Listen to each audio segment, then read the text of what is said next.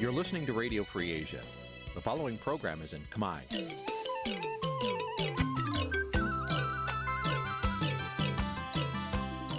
Nǐ chi càm bi tiệp xáy vệt chiu a zì sê ray នេះជាកម្មវិធីផ្សាយរបស់ Vithu Azisari ជាភាសាខ្មែរ វត្តឈូអាស៊ីសេរីសូមស្វាគមន៍លោកអ្នកនាងទាំងអស់ពីរដ្ឋធានី Washington នៃសហរដ្ឋអាមេរិក បាទប្រធានាទី Washington ខ្ញុំបាទទីនសាការីយ៉ាសូមជម្រាបសួរលោកនាងកញ្ញាទាំងអស់ជាទីមេត្រីខ្ញុំបាទសូមជូនកម្មវិធីផ្សាយសម្រាប់ព្រឹកថ្ងៃអង្គារ3កើតខែអាសត់ឆ្នាំថោះបញ្ញស័កពុទ្ធសករាជ2567ត្រូវនៅថ្ងៃទី17ខែតុលាគ្រិស្តសករាជ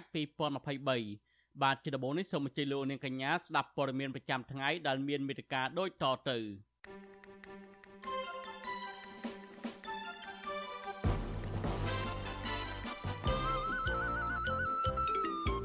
អ្នកខ្លាំមើលថាប្រទេសចិននឹងពង្រីកអធិបតេយ្យរបស់ខ្លួននៅកម្ពុជាកាន់តែខ្លាំងក្រោមហេតុផលអភិវឌ្ឍដែលគ្មានដំណាភាពអង្គការសង្គមស៊ីវិលជិត20ស្ថាប័នក្រុងប្រពៃទិវាកិច្ចព្រមព្រៀងសន្តិភាពទីក្រុងប៉ារីសដើម្បីលើកកម្ពស់សេរីភាពបញ្ចេញមតិសាច់ញាតិថាសកម្មជនគណបកប្រឆាំងម្នាក់នៅខេត្តបាត់ដំបងធ្លាក់ខ្លួនឈឺធ្ងន់នៅពន្ធនាគារព្រៃសរ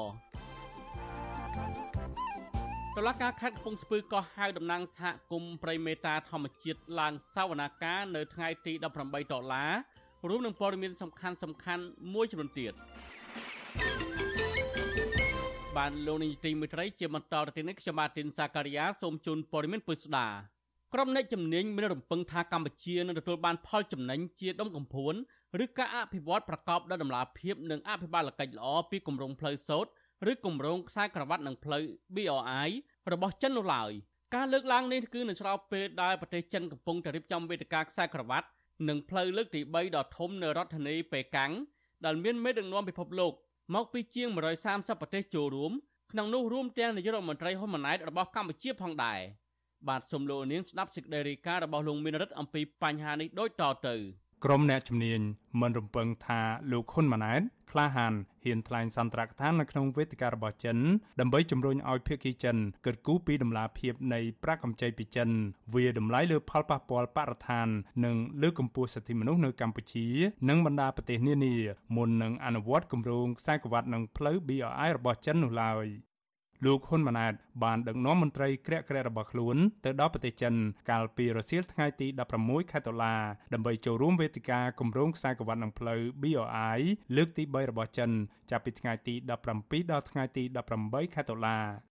ក្រុមអ្នកខ្លំមើលវាតម្លៃថាការដែលកម្ពុជាបដិញ្ញាគ្រប់គ្រងនឹងចូលរួមវេទិកាគម្រោងខ្សែក្រវ៉ាត់នឹងផ្លូវ BRI របស់ចិននាពេលនេះឆ្លុះបញ្ចាំងឲ្យឃើញថាសមត្ថភាពរបស់រដ្ឋាភិបាលកម្ពុជាបច្ចុប្បន្នពុំអាចរស់នៅដោយខ្វះចិនបាននោះឡើយហើយក៏ជាឱកាសសម្រាប់កម្ពុជាថ្លែងអួតសរសើរអំពីគម្រោងគំនិតផ្ដួចផ្ដើមខ្សែក្រវ៉ាត់និងផ្លូវរបស់ចិនដើម្បីទាក់មួយឲ្យក្រុមហ៊ុនវិនិយោគនៃរដ្ឋអំណាចចិនបន្តមកវិនិយោគនៅកម្ពុជា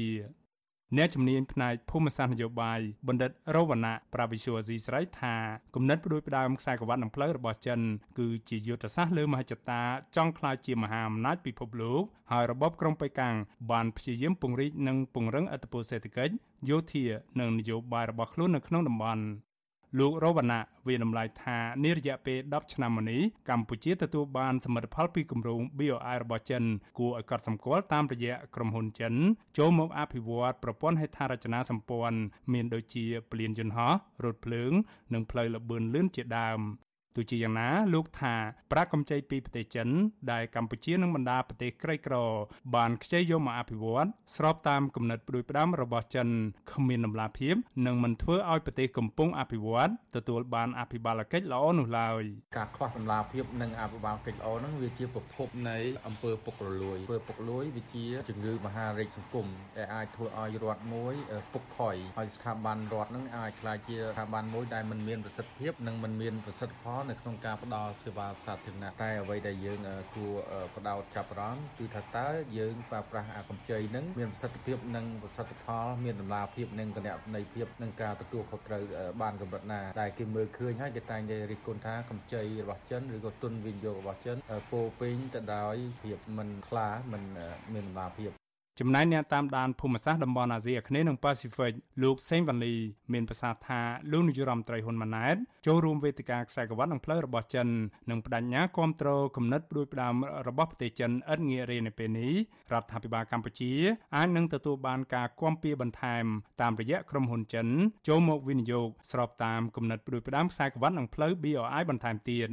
ជាថ្នូរមកវិញលោកថារបបក្រុងប៉េកាំងក៏នឹងផ្ដល់ប្រាក់កម្ចីដល់កម្ពុជាបន្ថែម និងប្រកាសគាំទ្ររដ្ឋាភិបាលកម្ពុជាថ្មីដែលដឹកនាំដោយលោកហ៊ុនម៉ាណែតទាំងក្នុងវេទិកាតំបន់និងឆាកអន្តរជាតិ ការសាងសង់គម្រោងហេដ្ឋារចនាសម្ព័ន្ធខ្នាតធំដូចជាទំនប់ផ្លូវថ្នល់និងកំពង់ផែអាចផ្ដល់ផលអវិជ្ជមានដល់បរិស្ថានរួមបញ្ចូលទាំងការកាប់បំផ្លាញព្រៃឈើនិងការបំផ្លិចបំផ្លាញទីជម្រកសត្វព្រៃរបស់កម្ពុជាផងដែរទី3គឺកង្វះដំណាភាពក្រោយពីទំនាក់ទំនងកម្ពុជាជាមួយនឹងចិនចាប់ដើមជិតដិតខ្លាំងមជ្ឈដ្ឋានជាតិនិងអន្តរជាតិបានលើកឡើងថាការវិនិយោគរបស់ចិនភាគច្រើនខ្វះដំណាភាពក្នុងលក្ខខណ្ឌនៃការផ្ដល់ប្រាក់កម្ចីការជ្រើសរើសគម្រោងនិងដំណើរការដេញថ្លៃដោយសារតែរដ្ឋាភិបាលកន្លងមកមិនបានយកចិត្តទុកដាក់ទៅលើការបង្កើតចលនាការដើម្បីត្រួតពិនិត្យគ្រប់គ្រងទៅលើការប្រើប្រាស់ប្រាក់កម្ចីឲ្យមានដំណាភាពសមិទ្ធផលដែលកម្ពុជាទទួលបានពីគំនិតផ្ដួចផ្ដើមខ្សែក្រវ៉ាត់និងផ្លូវ BRI ក្នុងរយៈពេល10ឆ្នាំមកនេះរួមមានគម្រោងធំធំមួយចំនួនដូចជាពលានយន្តហោះថ្មីនៅខេត្តសៀមរាបតម្លៃជាង1000លានដុល្លារដែលរដ្ឋាភិបាលបើកឲ្យដំណើរការជាផ្លូវការទទួលជើងហោះហើរជាលើកដំបូងក្នុងថ្ងៃតែមួយដែលលោកហ៊ុនម៉ាណែតទៅចូលរួមវេទិកានៅប្រទេសចិននៅថ្ងៃទី16ខែតុលា ផ្លូវលបឿនលឿនពីរាជធានីភ្នំពេញទៅខេត្តព្រះសីហនុក្រោមទឹកប្រាក់ជាង2000លានដុល្លារផ្លូវលបឿនលឿនពីភ្នំពេញទៅបាវិតក្រោមទឹកប្រាក់1400លានដុល្លារកីឡាដ្ឋានជាតិមរតកដៃជោក្រោមទឹកប្រាក់ជាង150លានដុល្លារគម្រោងទំនប់វារីអគ្គិសនីសេសានក្រោម2និងការអភិវឌ្ឍវិស័យសុខាភិបាលជាដើម គិតត្រឹមដំណាច់ត្រីមាសទី2ឆ្នាំ2023នេះកម្ពុជាជំពាក់បំណុលមិត្តដៃថៃចិនប្រមាណ4000លានដុល្លារអាមេរិកស្មើនឹងជិតពាក់កណ្ដាលនៃបំណុលដែលកម្ពុជាខ្ចីបុលពីបរទេសសរុបជាង10000លានដុល្លារនៅមុនវេទិកាកំណត់ដោយផ្ដើមខ្សែក្រវ៉ាត់និងផ្លូវ BRI រដ្ឋាភិបាលចិនបានចេញផ្សាយសិភៅសថាគម្រោងខ្សែក្រវ៉ាត់និងផ្លូវរបស់ចិន នឹងបន្តសម្របសម្រួលពាណិជ្ជកម្មការវិនិយោគនិងសមាហរណកម្មហិរញ្ញវត្ថុនៅក្នុងប្រទេសដែលចូលរួមគ្រប់គ្រងរដ្ឋអំណាចក្រុងប៉េកាំងអះអាងថាគម្រោងនេះបានចូលរួមចំណាយកាត់បន្ថយភាពក្រីក្រ និងបន្តចូលរួមវិនិយោគឲ្យប្រទេសដែលចូលរួមទទួលបាននូវការអភិវឌ្ឍថ្មីៗបន្ថែមទៀត ទោះជាយ៉ាងណាការស្រាវជ្រាវចុងក្រោយមួយដោយមហាវិទ្យាល័យ Boston នៅសហរដ្ឋអាមេរិករកឃើញថាបើទោះបីជាគម្រោង BRI របស់ចិនជួយឲ្យមានកំណើនសេដ្ឋកិច្ចនៅក្នុងប្រទេសកំពុងអភិវឌ្ឍគួរឲ្យកត់សម្គាល់ក៏ដោយក៏គម្រោង BRI របស់ចិន បង្កឲ្យមានហានិភ័យជាច្រើនដល់ប្រទេសទទួលក្នុងនោះមានដូចជាការធ្លាក់ក្នុងបំណុលវ៉ាន់កការបំពុលខ្យល់អាកាសហានិភ័យដល់ជីវៈចម្រុះនិងដីធ្លីរបស់ជនជាតិដើមភាគតិចជាដើម អ្នកវិភាគនយោបាយលោកកឹមសុខមានប្រសាសន៍ថាប្រទេសចិនកុម្មុយនីពុំបានជួយជំរុញសេដ្ឋកិច្ចកម្ពុជា និងប្រទេសនៅលើពិភពលោកឲ្យមានប្រសិទ្ធភាព និងប្រកបដោយភាពស្មោះត្រង់ឡើយតាមរយៈគម្រោងខ្សែក្រវ៉ាត់និងផ្លូវនេះ ពិតមែនហើយ BRI គឺជាគម្រោងដ៏ធំសម្របសម្រួលពាណិជ្ជកម្មវិនិយោគនិងសមាហរណកម្មហិរញ្ញវត្ថុគឺដើម្បីគោលដៅសេដ្ឋកិច្ចរបស់ចិនរីកពេញពិភពលោកលើបណ្ដាញគមនាគមន៍របស់ចិនខ្សែក្រវ៉ាត់មួយផ្លូវមួយបង្ហូរលុយយួន របស់ចិនក្នុងទីផ្សារពិភពលោកពង្រីកសក្តានុពលរូបិយប័ណ្ណរបស់ចិនហើយដឹកយកវត្ថុធាតុដើមពីជុំវិញពិភពលោកទៅអភិវឌ្ឍឧស្សាហកម្មរបស់ចិនរួចចិននាំទំនិញរបស់ខ្លួនទៅលក់លើទីផ្សារពិភពលោក គឺពិភពលោករបស់ចិនសេដ្ឋកិច្ចចិន គំនិតផ្ដួចផ្ដើមខ្សែក្រវ៉ាត់និងផ្លូវ BRI របស់ចិនរងនឹងការរិះគន់ថាជាមហិច្ឆតាពង្រីកអធិបតេយ្យសេដ្ឋកិច្ចនិងនយោបាយក្នុងគោលបំណងក្លាយជាមហាអំណាចពិភពលោកនិងគៀបសង្កត់ប្រទេសកំពុងអភិវឌ្ឍឲ្យជាប់ក្នុងអន្ទាក់បំណុលចិនវ៉ាន់ក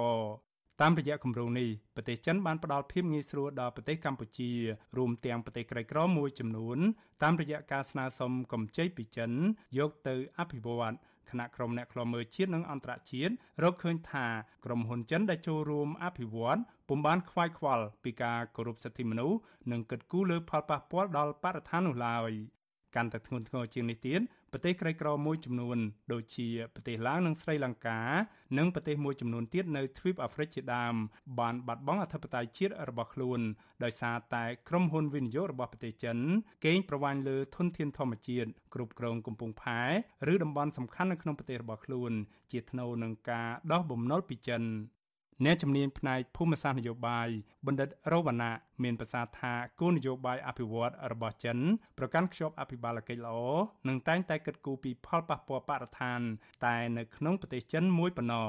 ក៏ប៉ុន្តែលោកថាសម្រាប់គោលនយោបាយអភិវឌ្ឍនៅក្រៅប្រទេសរបស់ខ្លួនវិញប្រទេសចិនកុម្មុយនីពុំបានខ្វាយខ្វល់ពីផលប៉ះពាល់បរិស្ថាន បញ្ហាសិទ្ធិមនុស្សលើកកម្ពស់ការអភិបាលកិច្ចល្អនោះទេដោយធ្វើយ៉ាងណាដើម្បីសម្រេចមហិច្ឆតាក្នុងការគ្រប់គ្រងពិភពលោកតែប៉ុណ្ណោះប្រទេសចិនកំពុងរៀបចំវេទិកាខ្សែក្រវ៉ាត់នឹងផ្លូវលើកទី3នេះស្របពេលដែលនៅក្នុងប្រទេសចិនខ្លួនឯងកំពុងប្រឈមទៅនឹងការធ្លាក់ចុះខ្លាំងផ្នែកសេដ្ឋកិច្ចនិងវិបត្តិអចលនៈទ្រព្យអូសបន្លាយ នៅក្នុងវេទិកានេះគ្មានឡើយវត្តមានរបស់ក្រុមមេដឹកនាំពីប្រទេសលោកខាងលិចត្រូវបានគេអញ្ជើញឲ្យចូលរួមខ្ញុំបានមេរិត Visual Asia ស្រីពីរដ្ឋធានី Washington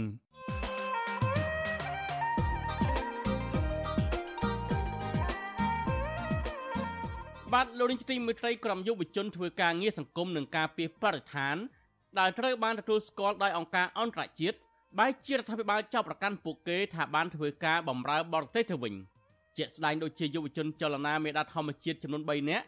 នឹងត្រូវទៅទទួលពានរង្វាន់អ្នកការពារសិទ្ធិមនុស្សនិងបរិស្ថានអន្តរជាតិ Rai Livelihood នៅប្រទេសស៊ុយអែតនៅថ្ងៃទី29វិច្ឆិកាខាងមុខនេះបែរជាតឡាការមិនអនុញ្ញាតឲ្យពួកគេទៅទទួលពានរង្វាន់ទៅវិញតើមូលហេតុអ្វីបានជារដ្ឋាភិបាលនិងតុលាការមិនទទួលស្គាល់សកម្មភាពការងារបរិស្ថានរបស់ក្រុមយុវជន និងមិនអនុញ្ញាតឲ្យពួកគេចេញទៅទទួលពានរង្វាន់បែបនេះបាទសូមលោកនេះរងចាំទស្សនានាទីវេទិកាអ្នកស្ដាប់វិទ្យុអាស៊ីសេរីនៅយប់ថ្ងៃអង្គារដែលនឹងជជែកអំពីបញ្ហានេះកុំបីខាន បាទបើសិនជាលោកនាងមានសំណួរចង់សួរមកកាន់វាគ្មិនរបស់យើងឬចង់បញ្ចេញជាមតិយោបល់សូមលោកនាងដាក់លេខទូរស័ព្ទនៅក្នុងខ្ទង់ comment Facebook និង YouTube របស់វិទ្យុអាស៊ីសេរីដែលផ្សាយផ្ទាល់នៅពេលនេះក្រុមការងាររបស់យើងនឹងហៅទៅលោកនាងវិញ បាទសូមអរគុណ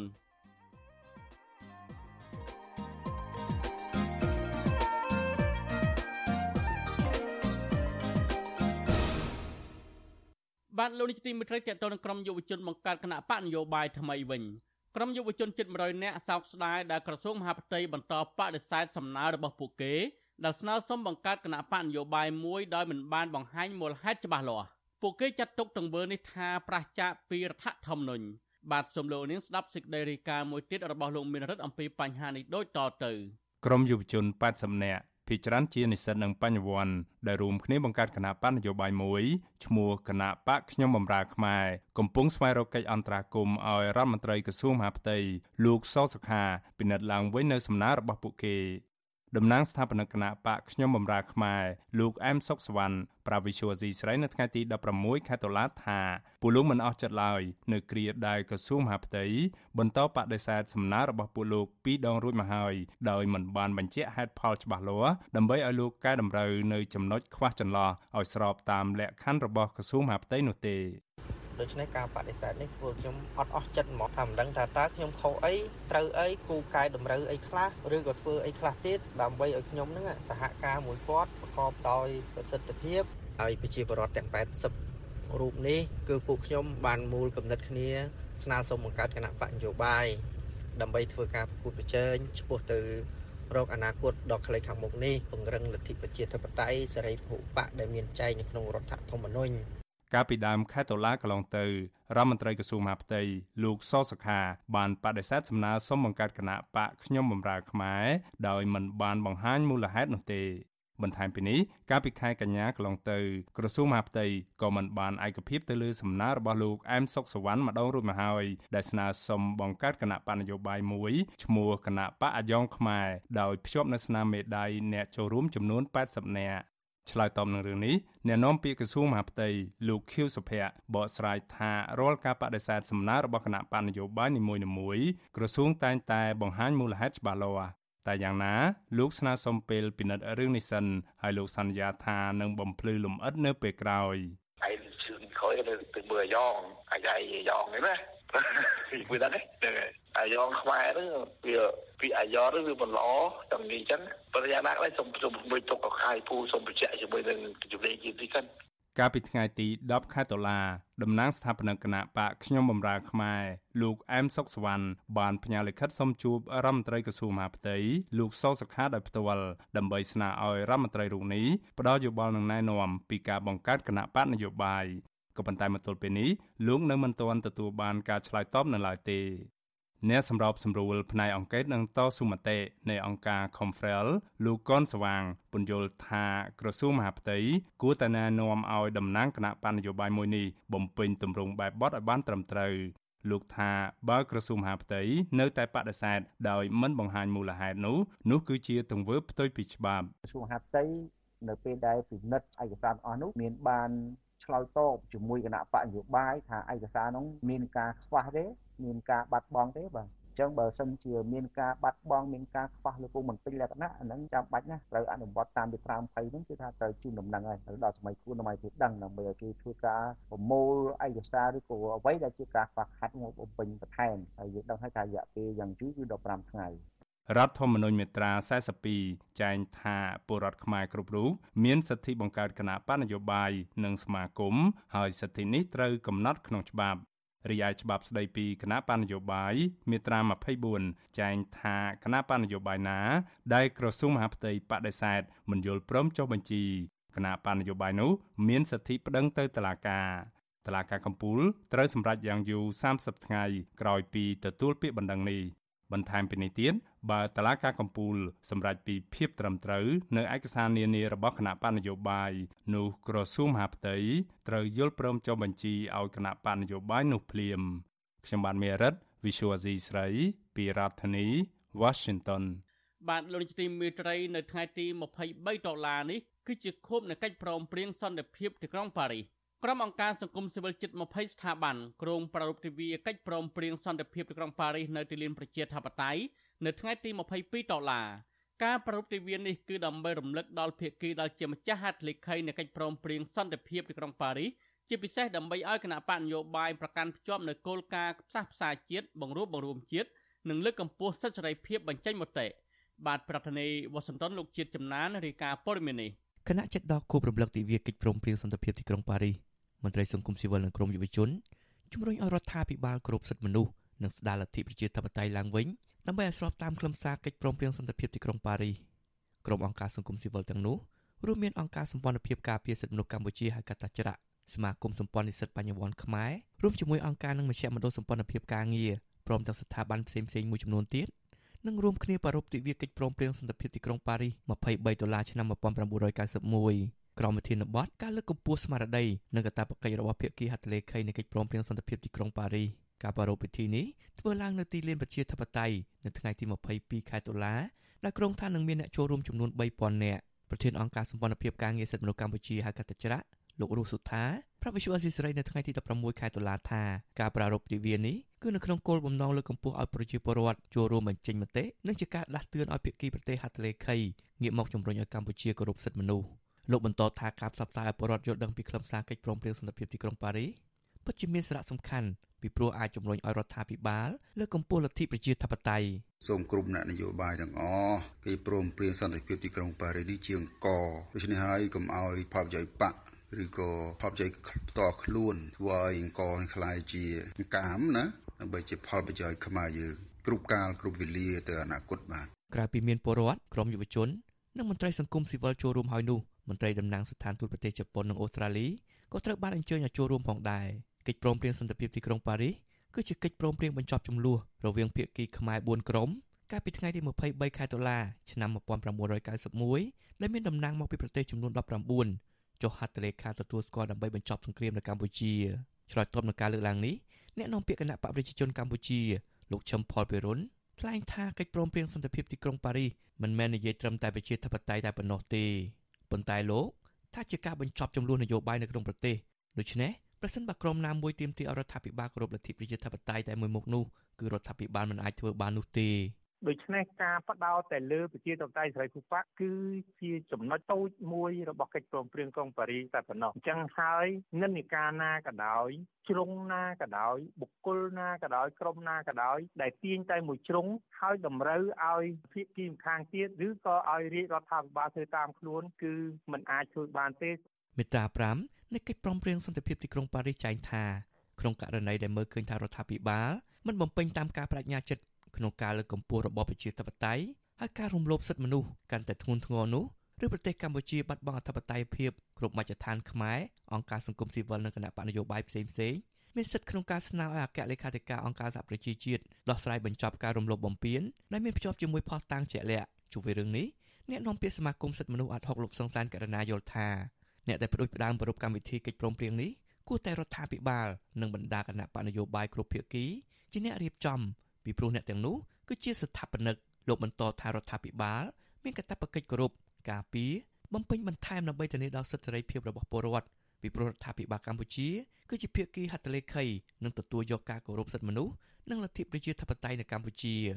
ចង់ឃើញពីខាងអាជ្ញាធរហ្នឹងធ្វើម៉េចបើកចិត្តឲ្យទលំទលាយធ្វើម៉េចទទួលយកនៅអ្វីដែលជាអនុសាសន៍ដែលក្រមការងារដែលបានរៀបចំជាសេចក្តីថ្លែងការណ៍ក្នុងកម្មវិធីអីជាដើមហ្នឹងគួរតែយកមកដើម្បីធ្វើការពិចារណានិងពិនិត្យដើម្បីយកមកកែប្រែកែលម្អឲ្យមានភាពល្អប្រសើរណាទាំងផ្នែកទីមនុស្សទាំងលទ្ធិប្រជាធិបតេយ្យនិងផ្ដល់នូវភាពរីកចម្រើនជីវភាពរបស់ប្រជាពលរដ្ឋសេដ្ឋកិច្ចអីជាដើមហ្នឹងឲ្យកាន់តែល្អប្រសើរ បើទោះបីជារដ្ឋាភិបាលកម្ពុជា តែងតែអួតអាងថាខ្លួនបានគោរពសិទ្ធិមនុស្សស្របតាមកិច្ចព្រមព្រៀងសន្តិភាពទីក្រុងប៉ារីសយ៉ាងណាក្តីក៏ប៉ុន្តែកន្លងទៅរដ្ឋាភិបាលតែងតែរងការរិះគន់និងថ្កោលទោសពីបណ្ដាប្រទេសលោកសេរីជាបន្តបន្ទាប់ពាក់ព័ន្ធទៅនឹងការរំលោភសិទ្ធិមនុស្សការប្រើប្រាស់ប្រព័ន្ធតុលាការជាឧបករណ៍គំរាមកំហែងលើសកម្មជនសង្គមនិងនយោបាយព្រមទាំងការធ្វើទុកបុកម្នេញលើគណៈបកប្រឆាំងដែលប្រឆាំងពីគោលការណ៍ប្រជាធិបតេយ្យសេរីពហុបកជាដើមក្រុមអង្គការសង្គមស៊ីវិលចង់ឃើញកម្ពុជា អនុវត្តតាមកិច្ចព្រមព្រៀងសន្តិភាពទីក្រុងប៉ារីសឈានទៅរកការផ្សះផ្សាជាតិនិងមិនចាត់ទុកខ្មែរគ្នាឯងជាសត្រូវខ្ញុំបាទជាចំណាន Visual ស៊ីសេរីប្រធានាទី Washington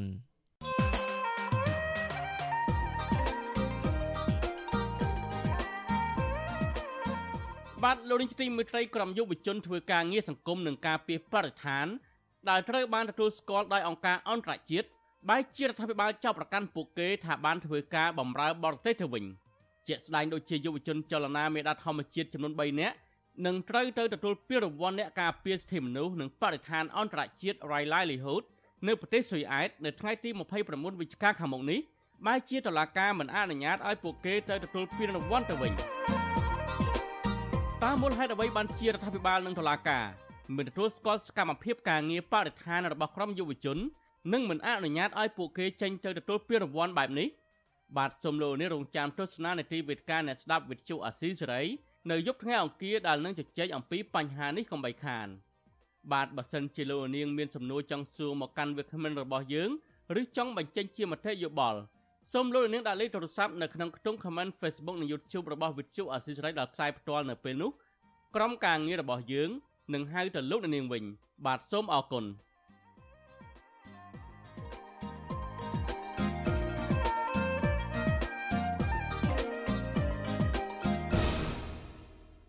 បាទលោកនាយកទីមេត្រីនៅឯប្រទេសអូស្ត្រាលីឯណោះវិញប្រដ្ឋខ្មែរក្រមរស់នៅប្រទេសអូស្ត្រាលីជិត100នាក់ប្រមូលផ្ដុំគ្នាធ្វើបាតកម្មនៅមុខស្ថានទូតវៀតណាមក្នុងទីក្រុងកុងបេរ៉ាប្រទេសអូស្ត្រាលីនៅព្រឹកថ្ងៃទី16ដុល្លារដើម្បីទាមទារឲ្យរដ្ឋាភិបាលវៀតណាមដោះលែងសកម្មជនខ្មែរក្រម4នាក់ដែលកំពុងជាប់ឃុំឃាំងនៅដែនដីកម្ពុជាក្រោមបរដ្ឋខ្មែរក្រមទាំងនោះនាំគ្នាឈោស្រែកតវ៉ាដោយអ្នកខ្លះលើកទង់ជាតិខ្មែរក្រោមអ្នកខ្លះកាន់រូបថតជនជាប់ឃុំ ហើយអ្នកខ្លះទៀតកាន់បាដាដែលសរសេរថាខ្មែរក្រមជាម្ចាស់ទឹកដីអាញាធរវៀតណាមត្រូវបញ្ឈប់អំពើហិង្សាប្រៃផ្សៃនិងបញ្ឈប់ការកាត់ទោសលើបរដ្ឋខ្មែរក្រមស្លូតត្រង់ជាដើមជ័យយោកម្ពុជាក្រមអមតៈជ័យយោកម្ពុជាក្រមអមតៈសូមដោះលែងសកម្មជនយើងសូមដោះលែងសកម្មជនយើងតវាងជឿងតវាងជឿងតាច់គ្រឿងតាច់គ្រឿងយ៉ាងមិនវាងយ៉ាងមិនវាងនិងលោកស្រីដិនធីវ៉ាន់ ត្រូវតែដោះលែងសកម្មជនសកម្មនារីទាំង4នាក់របស់យើងជាបន្តដោយអត់មានលក្ខខណ្ឌសូមអាជ្ញាធរយួនត្រូវតែគោរពនៅសត្វជនជាតិដើមសត្វជនជាតិដើមខ្មែរក្រម ក្នុងពេលបរដ្ឋខ្មែរក្រមតវ៉ានេះខាងស្ថានទូតវៀតណាមបានបិទទ្វារដោយមិនមានមន្ត្រីវៀតណាមណាម្នាក់ចេញមកសម្របសម្រួលឬទទួលយកញត្តិពីបរដ្ឋខ្មែរក្រមនោះឡើយក្រោយពីឈរតវ៉ាជាង2ម៉ោងនៅមុខស្ថានទូតវៀតណាមរួចក្រុមអ្នកតវ៉ាបាននាំគ្នាទៅឈរតវ៉ានិងដាក់ញត្តិជូនសភាសហព័ន្ធអូស្ត្រាលីវិញម្ដងបន្ទាប់មកតំណាងបរដ្ឋខ្មែរក្រម4នាក់ក៏បានធ្វើដំណើរទៅដាក់ញត្តិនិងចូលជួបមន្ត្រីក្រសួងការបរទេសអូស្ត្រាលីផងដែរ ប្រធានសហព័ន្ធខ្មែរកម្ពុជាក្រមប្រចាំទ្វីបអូសេអានីលោកយន់បូណាថ្លែងថាក្នុងជំនួបជាមួយមន្ត្រីក្រសួងការបរទេសអូស្ត្រាលីនោះពួកលោកបានរៀបរាប់លម្អិតអំពីករណីអាញាធិបតេយ្យវៀតណាមធ្វើទុកបុកម្នេញលើបរតខ្មែរក្រមនិងចាប់ខ្លួនសកម្មជនខ្មែរក្រមទាំង4នាក់លោកស្នើសុំឲ្យរដ្ឋាភិបាលអូស្ត្រាលីជួយអន្តរាគមន៍ទៅរដ្ឋាភិបាលវៀតណាមឲ្យប្រកុលសេរីភាពជនសកម្មជនខ្មែរក្រមទាំង4នាក់នោះឡើងវិញ ពីព្រោះពួកគេគ្រាន់តែអនុវត្តសិទ្ធិស្របច្បាប់តែប៉ុណ្ណោះអើតបរបស់យើងបានស្នើមកគាត់ថាគាត់នឹងញ៉ៅទៅអានទូតអូស្ត្រាលីនៅទីក្រុងហាណូយដើម្បីឲ្យពួកគាត់លើកឡើងនៅបញ្ហាហ្នឹងនៅពេលបានជួបរដ្ឋាភិបាលវៀតណាមចឹងណា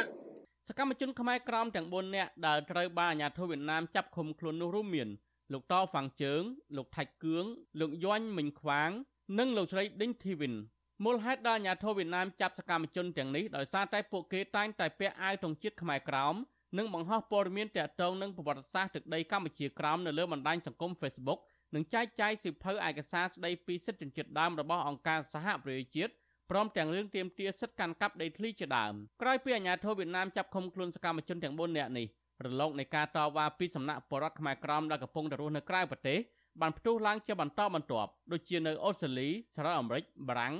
កាណាដា និងនៅសហភាពអឺរ៉ុបជាដើមពួកគាត់តែងតែចេញទាមទាររដ្ឋាភិបាលវៀតណាមបញ្ឈប់ការរំលោភសិទ្ធិមនុស្សខ្មែរក្រោមហើយត្រូវដោះលែងសកម្មជនខ្មែរក្រោមជាបន្ទាប់និងដោយឥតលក្ខខណ្ឌ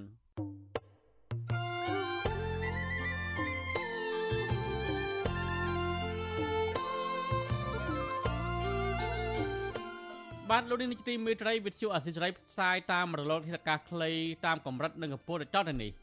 ពេលព្រឹក ចាប់ពីម៉ោង5កន្លះដល់ម៉ោង6កន្លះតាមរយៈប៉ុស SW 12.14 MHz ស្មើនឹងកម្ពស់ 25m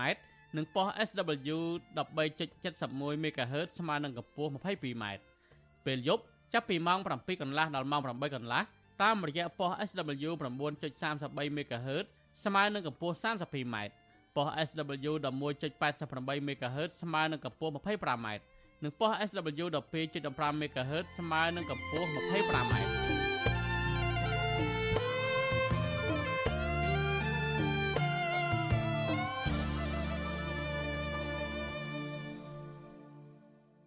បាទលោកនាយកទីមេត្រីនៅខេត្តបាត់ដំបងឯនោះវិញតកតងនឹងសកម្មជនគណៈបកប្រឆាំង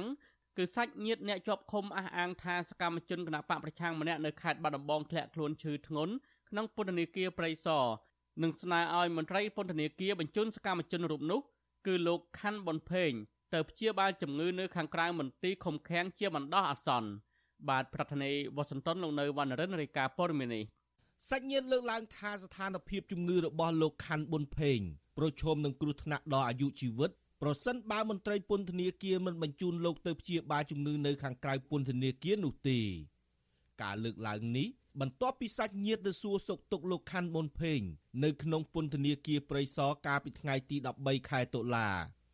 កូនស្រីរបស់លោកខាន់ប៊ុនភេងគឺលោកស្រីនឹមសុបញ្ញា ប្រាប់វិទ្យុអាស៊ីសេរីនៅថ្ងៃទី16ដុល្លារថាលោកស្រីតក់ស្លុតជាខ្លាំងនៅពេលដែលឃើញលោកខាន់ប៊ុនភេងមានសភាពស្លេកស្លាំងហើមដៃហើមជើងនឹងខ្លួន នៅក្នុងពន្ធនាគារព្រៃសរលោកស្រីព្រួយបារម្ភថាជំងឺរបស់លោកខាន់ប៊ុនភេងកាន់តែធ្ងន់ធ្ងរទៅ ហើយគ្រោះថ្នាក់ដល់អាយុជីវិតព្រោះឪពុករបស់លោកស្រីមានវ័យកាន់តែចាស់ហើយហើយមានជំងឺរលាកតម្រង់នោមនិងក្រពះពោះវៀនទៀតផង។ លោកស្រីស្នើឲ្យមន្ត្រីពន្ធនាគារបញ្ជូនលោកខាន់ប៊ុនភេងទៅព្យាបាលជំងឺនៅក្រៅមន្ទីរឃុំឃាំងជាបន្ទាន់និយាយទៅខ្ញុំទៅជួបគាត់នឹងមានអារម្មណ៍ថាតក់ស្លុតឃើញគាត់គួរអាណិតដែរតែប៉ាគាត់ហើមដៃហើមជើងឲ្យគាត់ត្អូញត្អែថាចុកពោះគាត់បាយបាយអត់បានហើយចេះទៅឈឺក្បាលហើយគាត់ចេះត្អូញចុករហូត អីកាពះគាត់ក៏ឈឺខ្លាំងដែរពះគាត់ឃើញគាត់អាណិតប៉ាហួសអាណិតហើយគាត់ចាស់ហើយខ្ញុំចង់ឲ្យสนំពោឲ្យទីរដ្ឋាភិបាលហ្នឹងលែងគាត់ឲ្យមានសេរីភាពឡើងវិញព្រោះអីគាត់មានទោសកំហុសអីទេលោកខាន់ប៊ុនភេងមានវ័យ65ឆ្នាំ ជាអតីតចៅសង្កាត់ព្រែកព្រះស្ដេចក្រុងបាត់ដំបងរបស់គណៈបកសង្គ្រោះជាតិលោកត្រូវបានអាជ្ញាធរចាប់ខ្លួននៅខេត្តបាត់ដំបង កាលពីថ្ងៃទី31ខែធ្នូឆ្នាំ2020 ហើយបញ្ជូនទៅឃុំខ្លួននៅពន្ធនាគារព្រៃសរពីបទរួមគំនិតក្បត់ ពាក់ព័ន្ធនឹងគម្រោងវិលចូលស្រុករបស់អនុប្រធានគណៈបកសង្គ្រោះជាតិអ្នកស្រីមូសុខួរ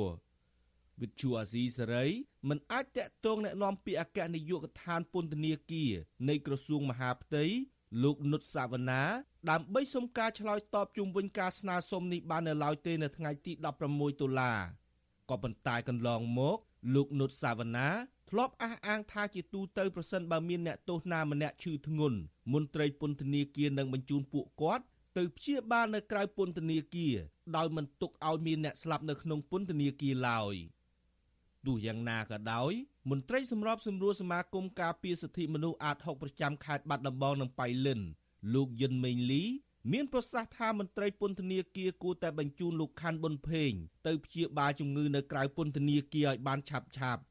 លោកចាត់ទុកថាការមិនអនុញ្ញាតឲ្យអ្នកទោសមនសិការទៅព្យាបាលនៅខាងក្រៅពន្ធនាគារគឺជាការអនុវត្តច្បាប់ស្តង់ដារ2ចឹងសរុបមកវិញយើងឃើញថាកម្រណាពិបាកណាស់ក្នុងការសុំមកធ្វើការព្យាបាលនៅក្រៅពន្ធនាគារនេះតែខ្ញុំចង់ប្រាប់ថា អ្នកទាំងអស់នេះគាត់បាត់បង់នៅ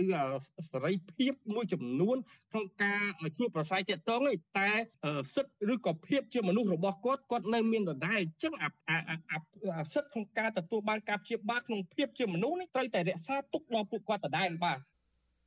កន្លងទៅអ្នកជាប់ឃុំក្រីក្រនិងអ្នកទោសមនសិការកម្រទទួលបានការអនុញ្ញាតឲ្យសម្រាប់ព្យាបាលនៅមន្ទីរពេទ្យខាងក្រៅពន្ធនាគារណា ដែលខុសពីអ្នកជាប់ឃុំខ្លះជាអ ுக ្រិតជនមានលុយមានអំណាចដែលត្រូវតុលាការនិងពន្ធនាគារអនុញ្ញាតឲ្យទៅសម្រាប់ព្យាបាលនៅមន្ទីរពេទ្យខាងក្រៅពន្ធនាគារ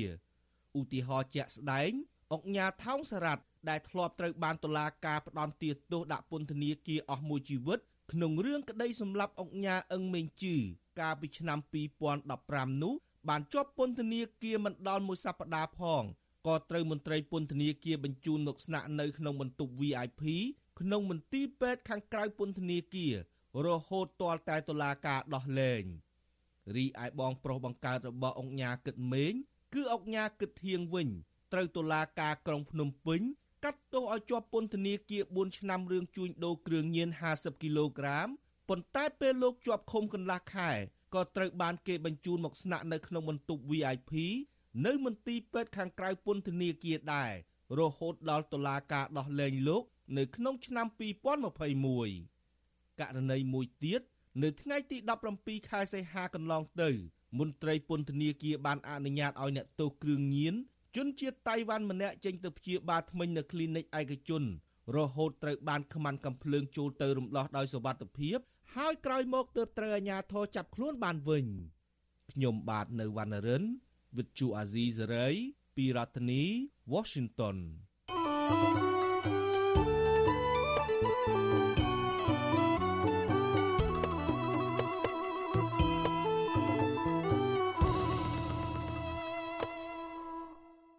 បាទលោកនាយកទីមេត្រីប្រលានយន្តហោះថ្មីនៅខេត្តសៀមរាបបានបើកដំណើរការហើយរដ្ឋាភិបាលរំពឹងថាការបើកដំណើរការប្រលានយន្តហោះថ្មីសៀមរាបអង្គរនឹងទាក់ទាញភ្ញៀវទេសចរនិងជំរុញកំណើនសេដ្ឋកិច្ចជាតិ ប៉ុន្តែទោះបីជាយ៉ាងនេះក្តីអ្នកខ្លាំមើលមើលឃើញថារដ្ឋាភិបាលគួរតែស្ដារមុខមាត់លើឆាកអន្តរជាតិព្រមទាំងវិតម្លៃពីដំណាភាពនៃគម្រោង BRI របស់ប្រទេសចិនដោយប្រុងប្រយ័ត្នទើបផ្ដល់ផលប្រយោជន៍ដល់ជាតិច្រើនជាងនេះអាកាសយានដ្ឋានអន្តរជាតិថ្មីសៀមរាបអង្គរដោយចំណាយទឹកប្រាក់ប្រមាណជាង1100លានដុល្លាររបស់ក្រុមហ៊ុនរដ្ឋចិនចំនួន3និងជាផ្នែកមួយនៃគម្រោង BRI របស់ប្រទេសចិននោះបានបើកដំណើរការទទួលជើងហោះហើរ លើកដំបូងនៅថ្ងៃទី16ដុល្លារស្របពេលលោកនាយករដ្ឋមន្ត្រីហ៊ុនម៉ាណែតចាក់ចេញពីកម្ពុជាដើម្បីទៅចូលរួមវេទិកាគម្រោងខ្សែក្រវ៉ាត់និងផ្លូវ BRI លើកទី3នៅប្រទេសចិនចាប់ពីថ្ងៃទី17ដល់ថ្ងៃទី18ដុល្លាររដ្ឋមន្ត្រីទទួលបន្ទុកទីស្តីការគណៈរដ្ឋមន្ត្រីថ្លែងនៅក្នុងពិធីបើកជើងហោះហើរពាណិជ្ជកម្មលើកដំបូងនៅអាកាសយានដ្ឋានអន្តរជាតិសៀមរាបអង្គរលោកវង្សីវិសុទ្ធ ដែលជាអគ្គលេខាធិការដឹកនាំគណៈកម្មការសម្រាប់សម្រួលអន្តររដ្ឋាភិបាលកម្ពុជាចិន បានសរសើរពីចិនមិនដាច់ពីមាត់ថាអាកាសយានដ្ឋាននេះផ្ដើមចេញពីការឯកភាពរវាងរដ្ឋាភិបាលកម្ពុជានិងចិនក្រោមការបដិផ្ដើមគម្រោងខ្សែក្រវ៉ាត់និងផ្លូវកំពុងតែលើកកម្ពស់កិច្ចសហប្រតិបត្តិការប្រទេសទាំងពីររួមទាំងវិស័យផ្សេងផ្សេងទៀតដែលជាប្រយោជន៍ក្នុងការអភិវឌ្ឍសេដ្ឋកិច្ចលោកសង្ឃឹមថាអាកាសយានដ្ឋានថ្មីនៅលើទឹកដីខេត្តសៀមរាបនេះ នឹងជួយរួមចំណែកជំរុញងើបឡើងវិញនៃវិស័យទេសចរកំណើនសេដ្ឋកិច្ចការកាត់បន្ថយភាពក្រីក្រ និងការលើកមុខមាត់កម្ពុជានៅលើឆាកអន្តរជាតិជាមរតកដ៏សំខាន់នៃសម្ដេចតេជោហ៊ុនសែននិងឯកឧត្តមនាយកប្រធានាធិបតីឈិនពីងដែលបានឯកភាពគ្រប់គ្រងនិងអនុវត្តនៅគម្រោងនេះឲ្យចេញជាផ្លែផ្កា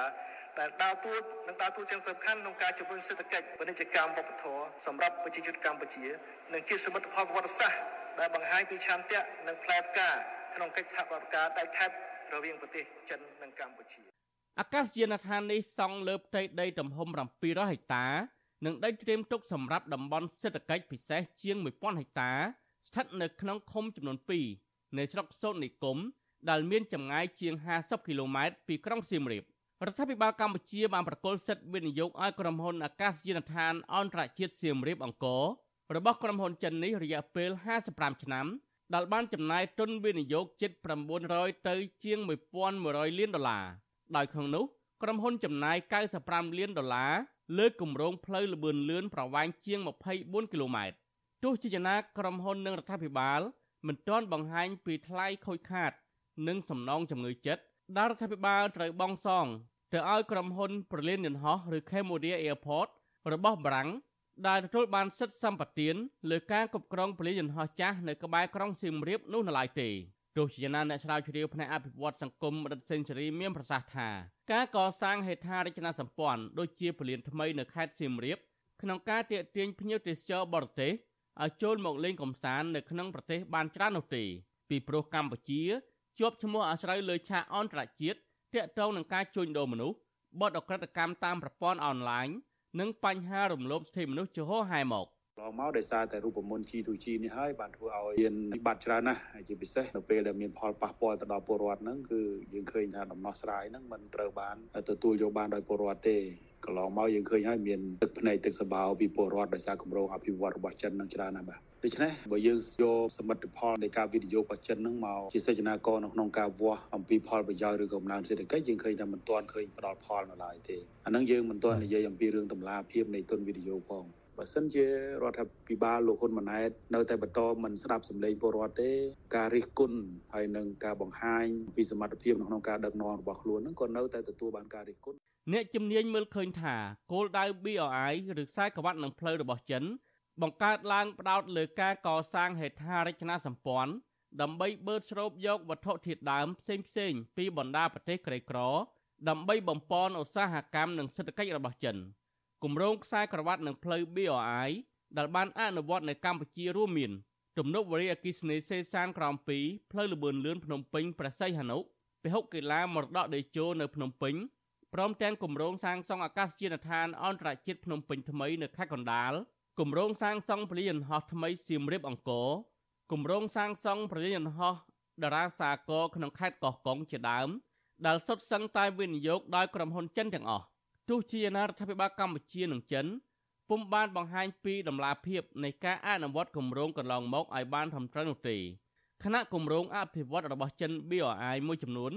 ធ្វើឲ្យបរដ្ឋខ្មែររងទឹកភ្នែក បាត់បង់ទីលំនៅឋាន ដីធ្លី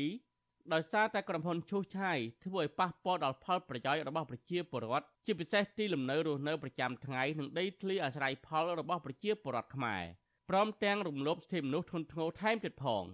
ទាក់ទងនឹងបញ្ហានេះបណ្ឌិតសេនស៊ូរីឲ្យដឹងថាចំនួនអ្នកវិនិយោគបរទេសនៅកម្ពុជាជាង70%មកពីប្រទេសចិនដែលតួលេខនេះបង្ហាញថាកម្ពុជាពឹងលើទុនវិនិយោគមកពីបរទេសតែមួយ ដែលជាសញ្ញាគ្រោះថ្នាក់ទាញឲ្យកម្ពុជាដើរចូលក្នុងអន្ទាក់ចិនវ៉ាន់កដោយប្រទេសស្រីលង្កានិងឡាវជាដើមលោកចង់ឃើញរដ្ឋាភិបាលកម្ពុជាសិក្សានិងវិតម្លៃឲ្យបានច្បាស់លាស់មុននឹងចាប់ផ្ដើមអនុវត្តគម្រោងសាងសង់ហេដ្ឋារចនាសម្ព័ន្ធនានាដើម្បីបញ្ជាអន្ទាក់បំណុលការខាតបង់ឬផលប៉ះពាល់សង្គមដែលកើតចេញពីកង្វះខាតនៃការស្រាវជ្រាវ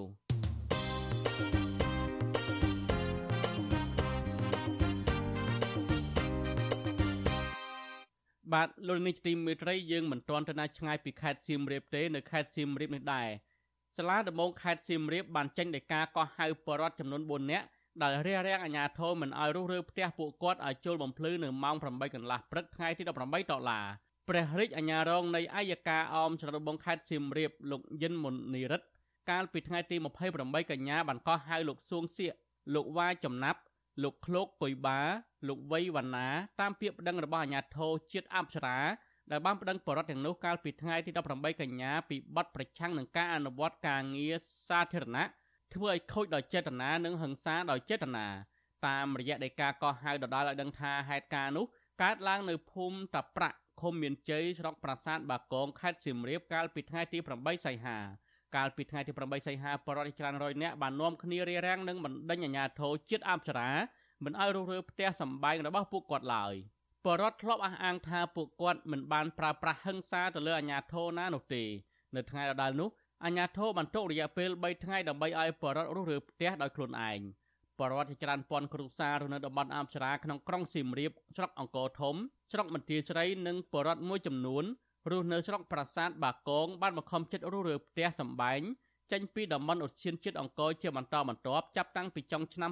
2022រហូតមកប្រជាពលរដ្ឋមួយចំនួនផ្លាស់ទីលំនៅទៅកាន់តំបន់ភូមិធម្មជាតិរុនតាឯកការផ្លាស់ប្តូរទីលំនៅនេះដោយសារតែពួកគាត់គ្មានជំរើសនិងភ័យខ្លាចរដ្ឋាភិបាលបណ្តេញចេញដោយបង្ខំដោយគ្មានសំណងអ្វីទាំងអស់ក្រោមហេតុផលអភិរក្សបតិកភណ្ឌ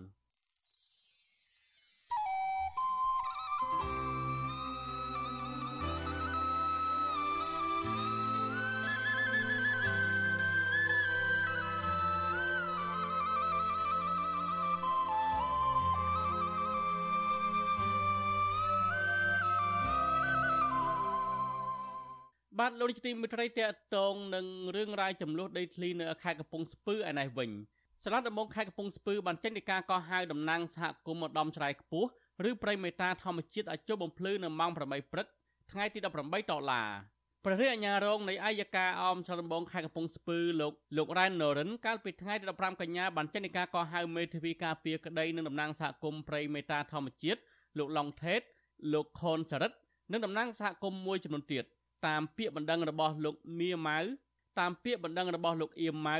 ដែលបានបណ្ដឹងតំណាងសហគមន៍ទាំងនោះពីបទធ្វើឲ្យខូចដោយចេតនាមានស្ថានទម្ងន់ទោសរំលោភលើកម្មសិទ្ធិគំរាមសម្លាប់និងជេរប្រមាថតំណាងសហគមន៍ប្រិមេតាធម្មជាតិលោកហេងប៉នប្រាប់វិទ្យុអាស៊ីសេរីនៅថ្ងៃទី16ដុល្លារថាលោកនិងសហគមន៍ដទៃទៀតឈឺចាប់ក្នុងចិត្តនៅពេលសហគមន៍ប្តឹងកងរក្រោះង70ដែលបានប្រើហិង្សាវាយដំមកលើប្រជាសហគមន៍រហូតដល់រងរបួសធ្ងន់ តែមិនមានអាជ្ញាធរណាចេញមករកយុត្តិធម៌ជូនពួកគេនោះទេ តែតុលាការបែរជាមានចំណាត់ការលើសហគមន៍ទៅវិញលោកស្នើដល់រដ្ឋាភិបាលដោះស្រាយបញ្ចប់វិវាទដីធ្លីរ៉ាំរ៉ៃនេះដោយយុត្តិធម៌និងតម្លាភាពពលរដ្ឋណាមានសិទ្ធិទៅសម្រាប់ទាហានហ្នឹងហើយហើយបើថងទាហានយកកំភ្លើងមកដកដេញបាញ់វាយបាក់ដៃបាក់ជើងដកទូរស័ព្ទវាយកាច់កអត់មានដំណោះស្រាយឲ្យពលរដ្ឋនឹងនឹងនឹងអានឹងដែលចំណុចដែលខ្ញុំឈឺចាប់ ក្រសួងមហាផ្ទៃកាលពីខែតុលាឆ្នាំ2022បានចេញលិខិតមួយឲ្យអភិបាលខេត្តកំពង់ស្ពឺចុះធ្វើការស្រាវជ្រាវនិងដោះស្រាយបញ្ហាដោយផ្អែកលើគោលការណ៍ច្បាប់និងឆ្លើយតបទៅកាន់តំណាងសហគមន៍វិញក៏ប៉ុន្តែមកទល់ពេលនេះនៅមិនទាន់មានដំណោះស្រាយណាមួយនោះទេមួយវិញទៀតបញ្ហានេះក៏នៅមិនទាន់ដោះស្រាយប៉ុន្តែតំណាងសហគមន៍បែរជារងការចាប់ប្រកាន់ពីបទប្រមមិនទាន់ជាច្រើនករណីទៅវិញ។ មន្ត្រីអង្គការសង្គមស៊ីវិលផ្នែកសិទ្ធិមនុស្សបានលើកឡើងថាដើម្បីដោះស្រាយបញ្ចប់បញ្ហានេះបានលុះត្រាតែអាជ្ញាធរថ្នាក់ជាតិនិងស្ថាប័នតុលាការត្រូវតែអនុវត្តទូរទីរបស់ខ្លួនប្រកបដោយតម្លាភាពព្រៃសហគមន៍ម្ដំច្រាយខ្ពស់ឬព្រៃមេតាធម្មជាតិមានផ្ទៃដីប្រមាណជា800ហិកតា មានសត្វព្រៃកម្រជាច្រើនប្រភេទរស់នៅរួមមានទោចស្វាក្ងោកមាន់ព្រៃឆ្លុះនិងស្វាជាដើមត្រូវបានក្រុមអ្នកមានអំណាចមន្ត្រីយោធាពលរដ្ឋនិងឈ្មួញខលខូចមួយចំនួន ឈូសឆាយទន្ទ្រានដីព្រៃសហគមន៍ដែលធ្វើឲ្យបាត់បង់ព្រៃឈើនិងសត្វព្រៃស្ទើរតែទាំងស្រុងបានលោកនាយកទីមេត្រីនៃវិភាគនិងមន្ត្រីអង្គការសង្គមស៊ីវិលយល់ឃើញថារដ្ឋាភិបាលគួរតែពិនិត្យឡើងវិញចំពោះលក្ខខណ្ឌក្នុងការផ្ដល់សញ្ជាតិបង្ហាញពីមូលហេតុនិងសមិទ្ធផលពីជនបរទេសជាសាធារណៈទោះជាយ៉ាងណាមន្ត្រីរដ្ឋាភិបាលអះអាងថាដំណើរការផ្ដល់សញ្ជាតិកន្លងមកគឺគោរពតាមលក្ខខណ្ឌច្បាប់ ហើយមូលហេតុដែលជនបរទេសទាំងឡាយទទួលបានសញ្ជាតិនោះគឺមាននៅក្នុងលិខិតស្នើសុំនីមួយៗបាទសូមលោកនាងស្ដាប់សេចក្តីរាយការណ៍របស់អ្នកស្រីសុជីវីអំពីរឿងនេះការជជែកដេញដោលពីរឿងរ៉ាវជនបរទេសទទួលបានសញ្ជាតិខ្មែរបានក៏ក្រើកឡើងវិញជាថ្មីទៀតក្រោយពីមានជនបរទេសមួយចំនួនដែលទទួលបានសញ្ជាតិខ្មែរស្ថិតក្នុងបញ្ជីឈ្មោះនៃក្រុមមនុស្សប្រព្រឹត្តបទឧក្រិដ្ឋឆ្លងដែនធ្ងន់ធ្ងរដែលធ្វើឲ្យប៉ះពាល់ដល់មុខមាត់និងកិត្តិយសរបស់ប្រទេសកម្ពុជា។ ក្តីបារម្ភរបស់ពលរដ្ឋអ្នកវិភាគនិងមន្ត្រីអង្គការសង្គមស៊ីវិលកើតឡើងនៅក្រៅពេលដែលពួកគេរកឃើញថាប្រទេសកម្ពុជា បានផ្ដល់សញ្ជាតិដល់ជនបរទេសចំនួន276រូបគិតត្រឹមថ្ងៃទី5ខែមិថុនាឆ្នាំ2023ក្នុងនោះការផ្ដល់សញ្ជាតិដល់ជនជាតិចិន និងជនជាតិចិនសញ្ជាតិតៃវ៉ាន់ចំនួន157នាក់និងជនជាតិវៀតណាមចំនួន29នាក់រួមនឹងជនជាតិថៃចំនួន28នាក់ ជនបរទេសដែលទទួលបានសញ្ជាតិខ្មែរទាំងអស់នោះស្ទើរតែទាំងស្រុងគឺទទួលបានតាមរយៈសញ្ជាតិតូបនីយកម្មបើតាមច្បាប់ស្តីពីសញ្ជាតិខ្មែរការសុំចូលសញ្ជាតិខ្មែរតាមរយៈសញ្ជាតិតូបនីយកម្មនេះគឺជនបរទេសក៏អាចចូលតាមការដាក់ទុនវិនិយោគធ្វើអាជីវកម្មនៅកម្ពុជាឬផ្ដល់អំណោយជាទឹកប្រាក់ដល់កម្ពុជាកន្លងទៅអង្គការសង្គមស៊ីវិលនិងអ្នកវិភាគកត់សម្គាល់ឃើញថាជនបរទេសមួយចំនួនបានខិតខំជួយដល់ពលរដ្ឋខ្មែរទើបទទួលបានសញ្ជាតិ ជាក់ស្ដែងដូចជាតារាភាពយន្ត Hollywood សញ្ជាតិអាមេរិកគឺអ្នកនាង Angelina Jolie អ្នកអភិរក្សធនធានធម្មជាតិនៅក្នុងដែនជម្រកសត្វព្រៃភ្នំថ្នោតភ្នំពកជនជាតិអាមេរិកលោក Davis Ben Jose ហៅលោក Ben និងគ្រួសារស្ថាបនិកនិងមូលនិធិកុមារកម្ពុជាជនជាតិអាមេរិកលោក Scott Nelson ជាដើមចុងក្រោយនៅថ្ងៃទី5ខែមិថុនាលោកស្រី Margaret Elizabeth Jane Ino ជនជាតិអង់គ្លេសក៏ទទួលបានសញ្ជាតិខ្មែរ គឺជាស្ថាបនិកអង្គការមលុបតាប៉ាងតែទោះជាយ៉ាងណាក៏មានករណីការផ្ដល់សញ្ជាតិទៅឲ្យជនបរទេសមួយចំនួនពុំបានបញ្ជាក់ស្នាដៃអ្វីទៅដល់ពលរដ្ឋខ្មែរនោះទេបន្ថែមពីនេះក៏មានជនបរទេសមួយចំនួនទៀតប្រើប្រាស់សញ្ជាតិខ្មែរដើម្បីប្រព្រឹត្តបទឧក្រិដ្ឋជាក់ស្ដែង កាលពីថ្ងៃទី16ខែសីហានគរបាលសង្ហបុរី ចាប់ខ្លួនមនុស្ស10នាក់ដោយចោទប្រកាន់ពាក់ព័ន្ធនឹងបទល្មើសលាងលុយកខ្វក់និងក្លែងបន្លំនៅក្នុងទំហំទឹកប្រាក់ជិត1000លានដុល្លារអាមេរិកក្នុងនោះមានជនជាតិចិន3នាក់បានទទួលសញ្ជាតិខ្មែរចំណែកឪពុករបស់លោកអុកញ៉ាថោងសារ៉ាត់ឈ្មោះយើងថេគឿងជនជាតិវៀតណាមបដូរឈ្មោះមកជាថោងចម្រើន និងម្ដាយឈ្មោះចិនធីឡុកបដូរឈ្មោះមកជាកៅសេរីទទួលបានសញ្ជាតិខ្មែរកាលពីខែកក្កដាឆ្នាំ2022បាទទោះបីជាអ្នកទាំងពីរធ្លាប់ប្រព្រឹត្តអំពើខុសច្បាប់ជាប់ពន្ធនាគារក្តី យោងតាមកម្រងឯកសាររាជកិច្ចរបស់រដ្ឋាភិបាលជនបរទេសដែលទទួលបានសញ្ជាតិនិងបានបដូរឈ្មោះមកជាខ្មែរភាគច្រើនគឺជាជនជាតិវៀតណាមនិងជនជាតិចិនឬជនជាតិចិនសញ្ជាតិតៃវ៉ាន់ដូចជាអ្នកស្រីងូយ៉ែនគឹមនឹងជនជាតិវៀតណាមទទួលបានសញ្ជាតិខ្មែរកាលពីថ្ងៃទី26ខែមេសានិងបដូរឈ្មោះទៅជារាសីសេរីភូមិអ្នកស្រាវជ្រាវការអភិវឌ្ឍសង្គមបណ្ឌិតសេងសេរីអះអាងថាការផ្ដល់សញ្ជាតិទៅជនបរទេសមួយរយៈពេលកន្លងទៅ គឺមានមួយចំនួនដែលទទួលបានតាមរយៈការទិញដូរដែលមានអង្គញាមួយចំនួនជាអ្នករត់ការបណ្ឌិតសេងសេរីយល់ថាការទទួលបានសញ្ជាតិតាមរយៈការទិញដូរទាំងនេះគឺជាអំពើក្បត់ជាតិនិងបានធ្វើឲ្យជនល្មើសមួយចំនួនឆ្លៀតឱកាសប្រើប្រាស់សញ្ជាតិខ្មែរមករកស៊ីខុសច្បាប់សម្រាប់ខ្ញុំការផ្ដល់សញ្ជាតិឲ្យជនបរទេសស្របតាមច្បាប់ សញ្ជាតិអនុម័តដោយសភាក្នុងឆ្នាំ2018ហ្នឹងមិនមែនជាបញ្ហាទេក៏ប៉ុន្តែនៅពេលដែលសញ្ជាតិខ្មែរត្រូវបានលក់ដូរបាន ហើយអ្នកដែលយកសញ្ជាតិខ្មែរទៅធ្វើជាមុខរបរសម្រាប់យកទៅលក់ដូរបានហ្នឹងអានឹងខ្ញុំសម្រាប់ខ្ញុំខ្ញុំមើលថាជាបទអក្រិតជាអំពើក្បត់ជាតិណាបាទទោះជាយ៉ាងណាច្បាប់ក៏បានចែងនៅលក្ខខណ្ឌចាំបាច់មួយចំនួនដែលជនបរទេសត្រូវបំពេញមុននឹងពួកគេអាចទទួលបានសញ្ជាតិខ្មែរជាក់ស្ដែង មាត្រា19នៃច្បាប់ស្តីពីសញ្ជាតិចែងថាជនបរទេសត្រូវចេះនិយាយភាសាខ្មែរចេះអក្សរខ្មែរនិងយល់ដឹងប្រវត្តិសាស្ត្រខ្មែរខ្លះៗហើយបង្ហាញភ័ស្តុតាងច្បាស់ថាខ្លួនរស់នៅក្នុងសង្គមខ្មែរបានដោយសុខដុមព្រមទាំងទទួលបាននៅទំនៀមទម្លាប់និងប្រពៃណីរបស់ខ្មែរមានបញ្ញានិងកាយសម្បទាដែលមិននាំឲ្យមានគ្រោះថ្នាក់ឬនាំមកឲ្យមានបន្ទុកដល់ជាតិ អ្នកនាំពាក្យក្រសួងមហាផ្ទៃលោកខៀវសុភ័ក្រអះអាងប្រាប់វិទ្យុអាស៊ីសេរីនៅថ្ងៃទី16ខែតុលាថាដំណើរការផ្ដល់សញ្ជាតិទៅឲ្យជនបរទេសគឺគោរពទៅតាមលក្ខខណ្ឌច្បាប់ហើយមូលហេតុនៃការស្នើសុំមុននឹងទទួលបានសញ្ជាតិនោះគឺមាននៅក្នុងលិខិតបំពេញពាក្យនោះរួចទៅហើយសួរទៅធ្វើអ្វីតាមច្បាប់កំណត់ទេយើងមិនឲ្យលេខស្រាប់ហើយកុំឲ្យខ្វះច្បាប់ជាការត្រឹមត្រូវល្អណាស់ការស្នើអញ្ចឹងអត់មានអីប៉ុន្តែខ្ញុំជឿថាពីនេះស្ដីហើយបើយើងមិនបានបញ្ជាក់ហើយយកទៅហើយរួមចំណែក ជាមួយនឹងអីគេមានឯកសាររបស់គេណាហើយឯកសារស្នើសុំវាមានតែកំណត់បង្ហាញគេក្នុងផ្លូវការហ្នឹងទោះជាយ៉ាងណាបរិយាក្រិតផ្ដល់សញ្ជាតិខ្មែរដល់ជនបរទេសមិនដែលបានបកស្រាយបញ្ជាក់ពីមូលហេតុនៃការផ្ដល់សញ្ជាតិនោះទេ ជាក់ស្ដែង កាលពីថ្ងៃទី8ខែមេសាកន្លងទៅជនជាតិវៀតណាមឈ្មោះងវៀនទិញលុកដែលពលរដ្ឋខ្មែរមិនដឹងថាជានរណាមានមុខរបរអ្វីនិងមានស្នាដៃអ្វីសម្រាប់សង្គមខ្មែរក៏ទទួលបានសញ្ជាតិខ្មែរកាលពីថ្ងៃទី8ខែមេសា ដោយបដូរឈ្មោះទៅជាសុករក្សា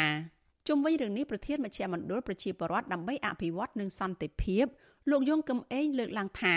រដ្ឋគួរបង្ហាញពីប្រវត្តិនិងមូលហេតុដែលជនបរទេសទទួលបានសញ្ជាតិខ្មែរជាសាធារណៈដើម្បីឲ្យមានតម្លាភាពនិងគណនេយ្យភាពលោកយងកំអេងបន្ថែមថាការផ្ដល់សញ្ជាតិដល់ជនបរទេសដែលមានស្នាដៃនឹងធ្វើឲ្យជាតិរីកចម្រើនប៉ុន្តែប្រសិនបើការផ្ដល់សញ្ជាតិតាមរយៈការទិញដូរឬមិនមានតម្លាភាពនោះ នឹងធ្វើឲ្យកម្ពុជាមិនទទួលបានធនធានមនុស្សអភិវឌ្ឍប្រទេសជាតិហើយបើសិនជាការផ្ដល់ជាតិណាមួយដែលมันបានគិតគូរពីសោដានៃអ្នកដែលសុំសញ្ជាតិនឹងឲ្យបានច្បាស់លាស់ទេហើយក៏អាចប៉ះចំអ្នកដែលមានគំនិតមិនល្អឬក៏ធ្លាប់ប្រព្រឹត្តបទល្មើសគឺជាការខាត់បងមួយរបស់ប្រទេសជាតិយើងដែរបាទ តកតនឹងការផ្ដល់សញ្ជាតិខ្មែរដល់ជនបរទេសនេះដែរកាលពីខែកក្កដាកន្លងទៅអង្គញាឌូឆាយបានប្រកាសលើទំព័រ Facebook របស់លោកថាលោកនឹងទទួលជួយដល់ជនបរទេសដែលមកវិនិយោគនៅកម្ពុជានិងចង់បានសញ្ជាតិខ្មែរបើទោះបីជាបច្ចុប្បន្នលោកគ្មានតួនាទីឬមុខតំណែងអ្វីក្នុងជួររាជការដែលធ្វើសេចក្តីសម្រេចអំពីការផ្ដល់សញ្ជាតិដល់ជនបរទេសក្តីទោះជាយ៉ាងណា លោកដួងឆាយបានលុបសារនោះវិញក្រោយរងការរិះគន់ពីប្រជាពលរដ្ឋ នេះខ្ញុំសុជីវីវិទ្យុអាស៊ីសេរីពីរដ្ឋធានី Washington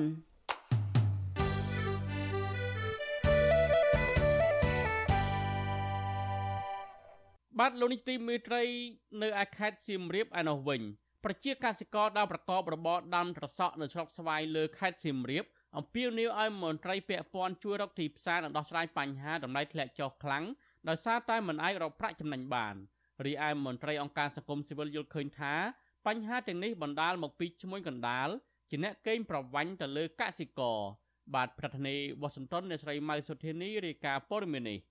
ជារៀងរាល់ឆ្នាំឲ្យតែគៀបពិធីបុណ្យភ្ជុំបិណ្ឌបរដ្ឋរស់នៅខេត្តសៀមរាបតែងតែជួបជុំបងប្អូន ធ្វើបុណ្យទានយ៉ាងសប្បាយរីករាយក៏ប៉ុន្តែពិធីបុណ្យប្រពៃណីជាតិឆ្នាំនេះអ្នកភូមិមួយចំនួនបែរជាមានកង្វល់រឿងបញ្ហាបំណុលហើយបង្ខំចិត្តចាក់ចោលស្រុកកំណើតទៅធ្វើការនៅក្រៅប្រទេសយ៉ាងប្រថុយប្រថាន បើគេធ្វើដំណើរទៅតំបន់ជនបទនៅរដូវបុណ្យកាន់បិណ្ឌឆ្នាំនេះក្នុងស្រុកប្រាសាទបាគងស្រុកសូត្រនិគមស្រុកបន្ទាយស្រីនិងស្រុកស្វាយលើខេត្តសៀមរាបពុំសូវមានមនុស្សច្រើនកកកដូចឆ្នាំមុនមុននោះឡើយក៏ប៉ុន្តែបែរជាឃើញផ្ទះអ្នកភូមិខ្លះដាក់ស្លាកលក់ដីនិងលក់ផ្ទះជ្រោងច្រាង ហើយដីស្រែចម្ការរបស់អ្នកភូមិខ្លះទៀតក៏បានដាក់ស្លាកលក់ជាបន្ទាន់នោះដែរ បើទោះបីជាអ្នកភូមិបង្ខំចិត្តដាក់ស្លាកលក់ទ្រព្យសម្បត្តិគេពុំម្ដាយក្នុងតម្លៃថោកក្រោមទីផ្សារក្តីក៏ពុំសូវមានអ្នកចាប់អារម្មណ៍សួររកទិញនោះដែរបរដ្ឋម្នាក់រស់នៅស្រុកសូត្រនិគមលោកកឹមសៃប្រាប់វិទ្យុស៊ីស្រីនៅថ្ងៃទី11ខែតុលាថាស្ទើរគ្រប់តំបន់ប្រជាពលរដ្ឋធ្វើចំណាក់ស្រុកស្ងាត់ភូមិដោយសារតែការប្រកបមុខរបរការងារក្នុងស្រុកបរាជ័យ លោកថាស្ទើរតែគ្រប់ភូមិក្នុងស្រុកស្វាយលើ ដែលធ្លាប់តែមានមនុស្សអ៊ូអរបែរជាស្ងាត់ឈឹងសូម្បីតែក្នុងពិធីបុណ្យកាន់បិណ្ឌភូមិណានរត់សឹងទៅទាំងអស់ប្រយគ្នាខ្វះខាតនឹកឃើញថាសេដ្ឋកិច្ចពីមុនវាធូរធារក៏រោបានសប្ងៃសេដ្ឋកិច្ចធ្លាក់ទៅរត់បានខ្លះគិតទៅទាំងគ្រួសារក៏ប្រយត្រឹមតែសេដ្ឋកិច្ចយើងធ្លាក់ចុះខ្លាំងនេះបានខ្លះគិតដូចថា ទើរលុយបងអង្គការបានមុនធ្លាប់រោងខ្មែរបានដល់សេដ្ឋកិច្ចខ្មែរធ្លាក់ក៏ទៅដោះស្រាយនៅប្រទេសគីសិនបើក្រឡេកមើលទស្សនវិជ្ជាប្រជាប្រដ្ឋរស់នៅក្រុងសៀមរាបឯនោះវិញក៏ពុំសូវខុសគ្នាពីតំបន់ជនបទប៉ុន្មានដែរផ្សារទំនើបសន្តាគារនិងកន្លែងផ្ដល់សេវាកម្មទេសចរជាច្រើនទៀតក៏បានបិទទ្វារជាបន្តបន្ទាប់បណ្ដាលឲ្យប្រជាពលរដ្ឋជាច្រើនពាន់នាក់បាត់បង់ការងារ ស្ទើរតែគ្រប់ដងផ្លូវក្នុងក្រុងសៀមរាបមានលំនៅឋានដីធ្លីរថយន្តផ្ទះសម្បែងជាច្រើនបានបិទស្លាកលក់ជាបន្តបន្ទាប់រីឯក្រុមហ៊ុនទទួលទ្រព្យបញ្ចាំវិញ រួមមានប្លង់ផ្ទះកាត់គ្រីរថយន្តម៉ូតូនិងកង់ជាដើមក៏មានអ្នកទៅដាក់ទ្រព្យសម្បត្តិបញ្ចាំជាច្រើនដែរដើម្បីយកប្រាក់ដោះបំណុលមួយគ្រាប្រតិបត្តិការវិស័យទេសចរលោកអាងឆាល សង្កេតឃើញថាពិធីបុណ្យភ្ជុំបិណ្ឌឆ្នាំនេះប្រជាពលរដ្ឋភាគច្រើនចាយវាយត្បិតត្បៀតដោយសារតែពួកគាត់ពុំសូវមានថវិកាច្រើនដូចឆ្នាំមុនមុនលោកថាបច្ចុប្បន្នប្រាក់ចំណូលរបស់ពលរដ្ឋកំពុងធ្លាក់ចុះយ៉ាងខ្លាំងហើយធ្វើឲ្យពួកគាត់ជួបការលំបាកច្រើនសូម្បីតែវត្តអារាមក៏ពុំសូវមានពុទ្ធបរិស័ទច្រើនដែរអត់សូវមានមនុស្សទេនៅវត្តហ្នឹងគឺស្ងាត់ ហើយណាមួយនៅតាមផ្លូវក៏អត់សូវមានមនុស្សច្រើនកកកដូចឆ្នាំកន្លងទៅទេណាអត់សូវមានទេនៅតាមហូតែលស្លាប់តែឆ្នាំមុនមុនទៅប៉ុណ្ណេះហ្នឹងភ្ញៀវមកសួរបន្ទប់កក់បន្ទប់ពេញពេញឥឡូវអត់មានទេប្រជាពលរដ្ឋម្នាក់ទៀតនៅស្រុកស្វាយលើខេត្តសៀមរាបលោកសោមវុធីឲ្យដឹងថាលោកកំពុងពិចារណាទៅធ្វើការនៅប្រទេសថៃដោយសារតែមុខរបរដែលជាប្រភពចំណូលពីវិស័យទេសចរនៅតែយ៉ាប់យ៉ឺន លោកយល់ឃើញថាប៉ះសិនបរដ្ឋាភិបាល ចង់កាត់បន្ថយបរិវត្តធ្វើចំណាក់ស្រុក គួរតែកាត់បន្ថយទំនិញនាំចូលពីក្រៅប្រទេស ដោយបង្កើនការផលិតក្នុងស្រុក និងលើកកម្ពស់តម្លៃកសិផលក្នុងស្រុកឲ្យមានប្រសិទ្ធភាព កណ្ដាលសេដ្ឋកិច្ចមិនដើរហើយតែថាការនាំចូលច្រើនជាងការនាំចេញទៅក្រៅប្រទេសហើយគឺជាពលរដ្ឋយើងយកឲ្យបានតែត្រូវតំណែងយើងធ្វើនិយាយថាស្រូវណាគឺកើតបានថោកទៅគឺបានបាក់ចុះថោកទៅវាអាស្រ័យទៅលើឈ្មោះលើមាត់ទៅវាស្ថិតនៅលើច្បាប់ចឹងគេចង់កន្លះយ៉ាងម៉េចក៏បានឆ្លើយតបរឿងនេះអ្នកនាំពាក្យក្រសួងទេសចរលោកតុបសុភ័ក្រ មានប្រសាសន៍ថាបច្ចុប្បន្នភ្ញៀវទេសចរនៅខេត្តសៀមរាប កំពុងស្ថិតក្នុងដំណាក់កាលងើបឡើងវិញ ដោយសារតែមិនទាន់មានភ្ញៀវទេសចរច្រើននៅឡើយទេ ដោយក្នុងមួយថ្ងៃមួយថ្ងៃ មានភ្ញៀវទេសចរចន្លោះពី1000ទៅ1500នាក់ប៉ុណ្ណោះលោកក៏បានបញ្ជាក់ថាភ្ញៀវទេសចរនៅតិចតួចនៅឡើយបើធៀបទៅនឹងភ្ញៀវទេសចរមកទស្សនាតំបន់អង្គរកាលពីឆ្នាំ2019 មុនពេលដែលផ្ទុះជំងឺ Covid-19 មានភ្ញៀវទេសចរចន្លោះពី8000ទៅ9000នាក់ក្នុងមួយថ្ងៃ។លោកបន្ថែមទៀតថាចាប់តាំងពីខែតុលានេះតទៅអាចនឹងមានព្យាទេសចរការឡើងក្នុងពេលដែលមានពលានយន្តហោះអន្តរជាតិនៅខេត្តសៀមរាបថ្មីបើកដំណើរការ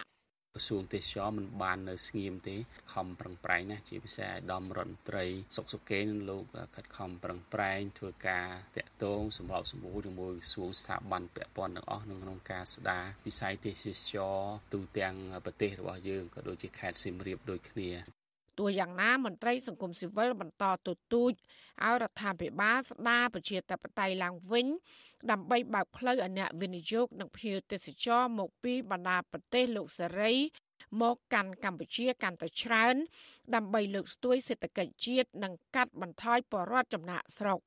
ជុំវិញរឿងនេះដែរប្រធានមជ្ឈមណ្ឌលប្រជាពលរដ្ឋដើម្បីអភិវឌ្ឍនិងសន្តិភាព លោកយងកំឯងបារម្ភថាការថយចុះភ្ញៀវទេសចរនេះនិងប៉ះពាល់ធ្ងន់ធ្ងរដល់ប្រព័ន្ធសេដ្ឋកិច្ចកម្ពុជា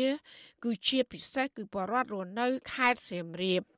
លោកថារដ្ឋាភិបាលគួរតែមានវិធានការអន្តរាគមន៍ឲ្យកន្លែងផ្ដល់សេវាកម្មទេសចរទាំងអស់គ្រប់គ្រងតម្លៃសមរម្យទាំងសេវាស្នាក់នៅម្ហូបអាហារនិងសន្តិសុខសុវត្ថិភាពជាដើមគេមកគេចាយវាយថោកមានតម្លៃថោកអញ្ចឹងប្រហែលជាគេអាចនឹងសម្រក់មកច្រើនយើងក៏ចំណេញបានច្រើនដែរបាទអញ្ចឹងអាចគិតពីលទ្ធភាពទាំងអស់ហ្នឹងដើម្បីអឺទាក់ទាញទេសចរឲ្យបានច្រើនមកប្រទេសកម្ពុជាឡើងវិញបាទ កាលពីចុងខែកញ្ញាលោកនាយករដ្ឋមន្ត្រីហ៊ុនម៉ាណែត បានថ្លែងថាកម្ពុជាបានកត់ត្រាភ្ញៀវទេសចរអន្តរជាតិចំនួន3លាន5សែននាក់ក្នុងរយៈពេល8ខែដំបូងនៃឆ្នាំ2023ហើយដែលកើនឡើងជាង250%បើធៀបទៅនឹងឆ្នាំ2022ក៏ប៉ុន្តែក្រសួងទេសចរអះអាងថាចំនួនភ្ញៀវទេសចរថយចុះច្រើនបើធៀបទៅនឹងឆ្នាំ2019 គឺនៅមុនពេលមិនទាន់ផ្ទុះជំងឺ Covid-19 ដែលកាលនោះមានភ្ញៀវទេសចរមកទស្សនាតំបន់អង្គរគឺជិត10000នាក់ក្នុងមួយថ្ងៃមួយថ្ងៃបើធៀបទៅនឹងបច្ចុប្បន្នគឺមានតែជាង1000នាក់ប៉ុណ្ណោះចាននាងខ្ញុំម៉ៅសុធានីវັດឈូអាស៊ីសេរីប្រធានាធិបតី Washington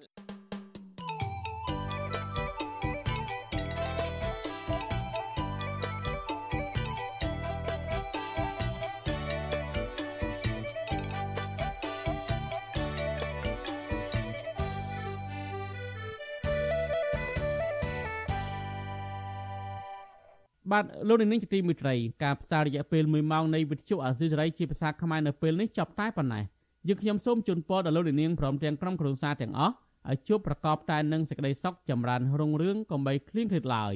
ខ្ញុំបាទទីនសាករិយាព្រមទាំងក្រុមការងារទាំងអស់នៃវិទ្យុអាស៊ីសេរីសូមអរគុណនិងសូមជម្រាបលា